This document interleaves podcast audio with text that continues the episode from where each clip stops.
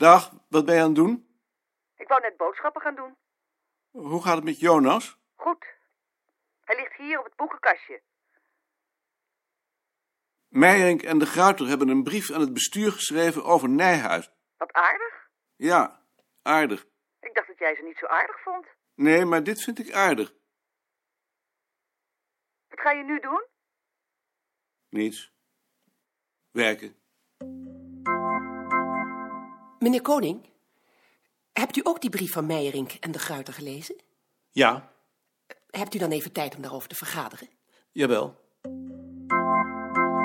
Moeten we op de Bruin wachten? Mevrouw de directrice. De Bruin komt eraan, hij is nog even bezig met de thee. Dan beginnen we maar. Heeft iedereen de brief gelezen? Ik heb hem gelezen. Is iedereen het ermee eens? In deze vorm niet.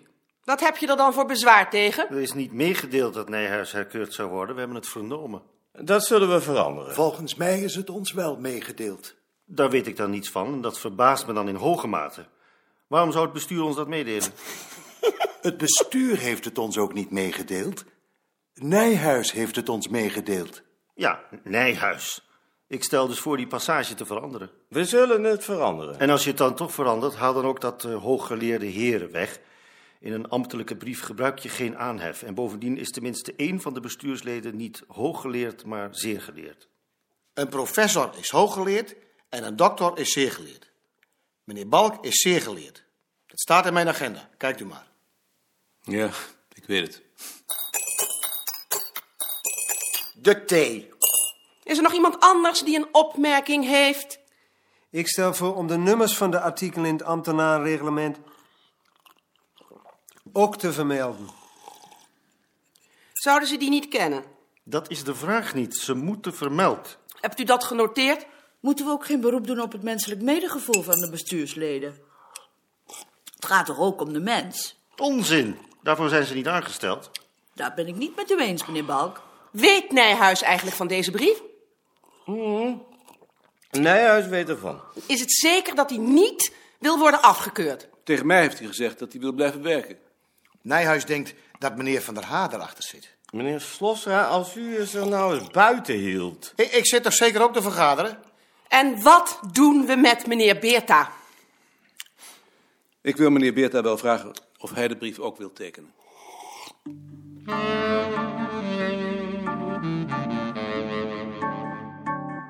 We hebben een brief aan het bestuur geschreven. Misschien wilt u die ook ondertekenen? Tijdstip van de herkeuring uit te stellen tot de daarvoor wettelijk vastgelegde uiterste termijn. Wie heeft die brief geschreven? De Gruiter en Meijerink. Dat is niet verstandig van de Gruiter en Meijerink. Ik heb die brief niet gezien. Waarom is dat niet verstandig? Omdat Van der Haar hen dit niet in dank zal afnemen. Van der Haar weet toch niet dat zij hem geschreven hebben? Zoiets lekt uit. En van jou en Hendrik en Balk vind ik het ook niet verstandig. Ik had gedacht dat je wijzer zou zijn. Wanneer dachten jullie die brief te versturen? Vandaag? Dan geef ik je toch ernstig in overweging om eerst een onderhoud met Van der Haar aan te vragen. Misschien kan hij jullie uitleggen wat de beweegredenen zijn om Nijhuis te laten afkeuren. Je kunt dan van mij alle gegevens krijgen. Daar heb je alles wat ik heb. Ik wil er niet meer mee te maken hebben. Maar je hebt wel een doorslag van die brief. Natuurlijk heb ik een doorslag. Ik heb altijd van alles een doorslag. En u zei tegen mij dat u die artikelen uit het ambtenarenreglement en de pensioenwet niet kende. Welke artikelen? Deze. Daar herinner ik me niets van. Ik begrijp ook niet dat jullie daar zo'n zaak van maken. Ik zou het zeer onbehoorlijk vinden, ook tegenover Nijhuis, om met zo'n keuring tot de uiterste termijn te wachten.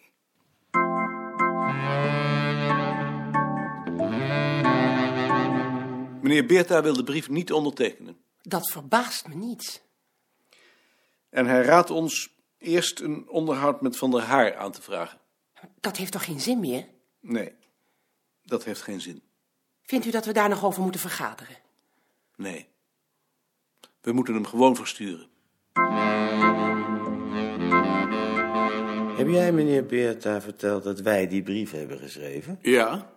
Hij zegt dat we daar moeilijkheden mee zullen krijgen als we die versturen. Heel vervelend. Wat voor moeilijkheden?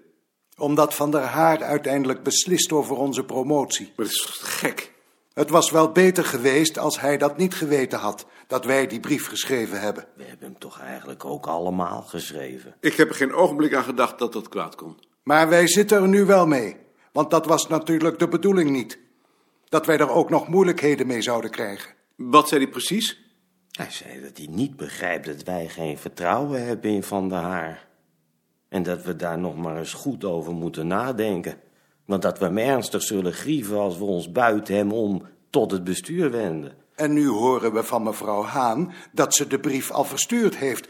Daar hadden we toch nog wel graag eerst even over vergaderd. Dat was toch al beslist? Maar als we dit geweten hadden, dan hadden we daar toch wel even over willen praten. Want dit is natuurlijk een heel nieuw gezichtspunt.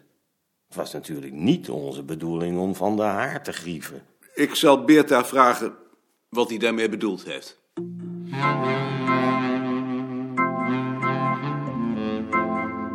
Wat hebt u nou tegen de Gruiter en Meijering gezegd? Ik heb hun de consequenties van hun gedrag voorgehouden, zoals dat mijn plicht is. En nu zitten ze in zak en as. Heel goed. Dat was precies de bedoeling. Laat ze maar in de rat zitten.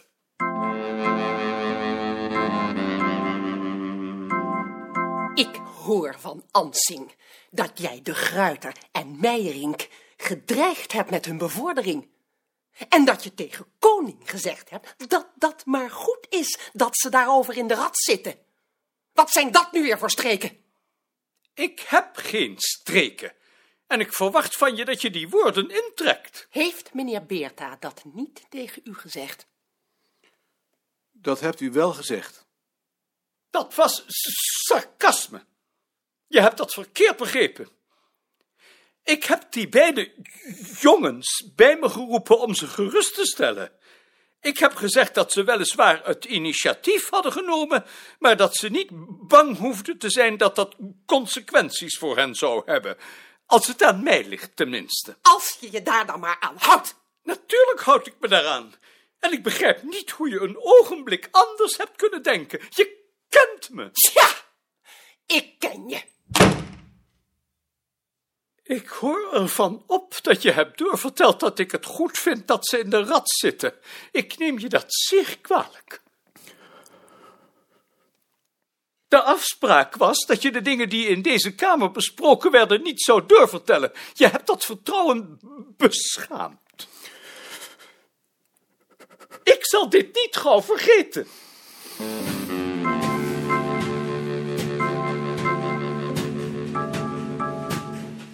Dientje is bij Van Haar geroepen.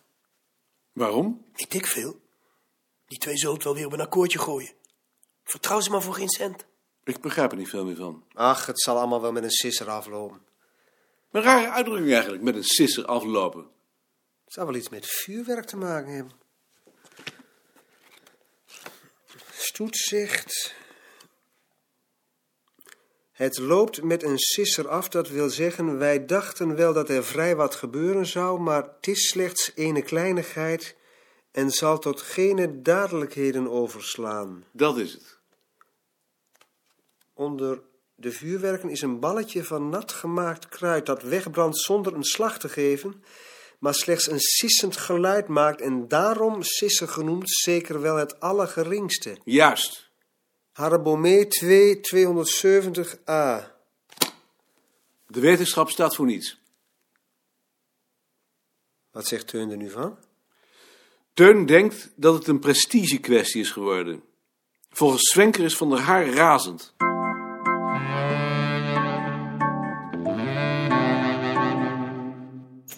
Daar heb je er weer hoor. Dat gesprek heeft me toch wel een andere kijk op de zaak gegeven. Het is jammer dat ik dat niet eerder heb gehad. Volgens Van der Haar is de achterstand van Nijhuis zo groot dat hij geen financieel overzicht meer heeft. En dat kan natuurlijk niet. En zolang Nijhuis in dienst is, heeft hij geen geld om een ander aan te stellen. Waarom laat die Swenker dat dan niet doen? Dat weet ik niet. Dat kan zeker niet. Het gaat er toch om dat Nijhuis wil blijven werken. En dat ze hem niet hoeven af te laten keuren. En daar praten die nou juist zo menselijk over. Ik heb de indruk dat hij bij dit alles in de eerste plaats aan de menselijke kant van de zaak heeft gedacht. Maar dat hij met zijn rug tegen de muur staat. Zo zei hij het. Dat vind ik dan maar raar. Als ik hem was, zou ik dan toch eerst naar een andere oplossing gezocht hebben.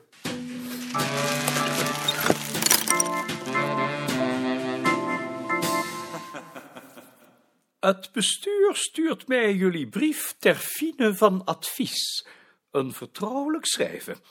Ik wist niet dat jullie een brief had geschreven. Als ik hem gelezen had, zou ik het jullie zeker ontraden hebben. Gelukkig dan maar dat we hem u niet hebben laten lezen. Ik moet dit slim spelen. Ik moet mijn advies zo schrijven dat jullie tevreden zijn en dat het bestuur tevreden is. Ik ben even in de bibliotheek.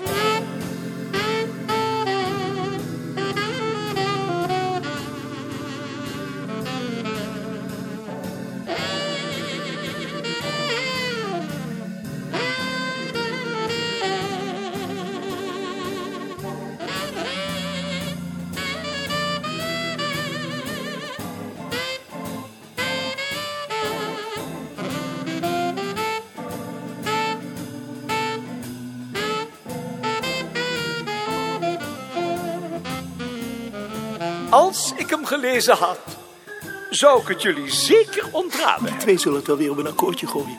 Vertrouw ze maar voor geen cent.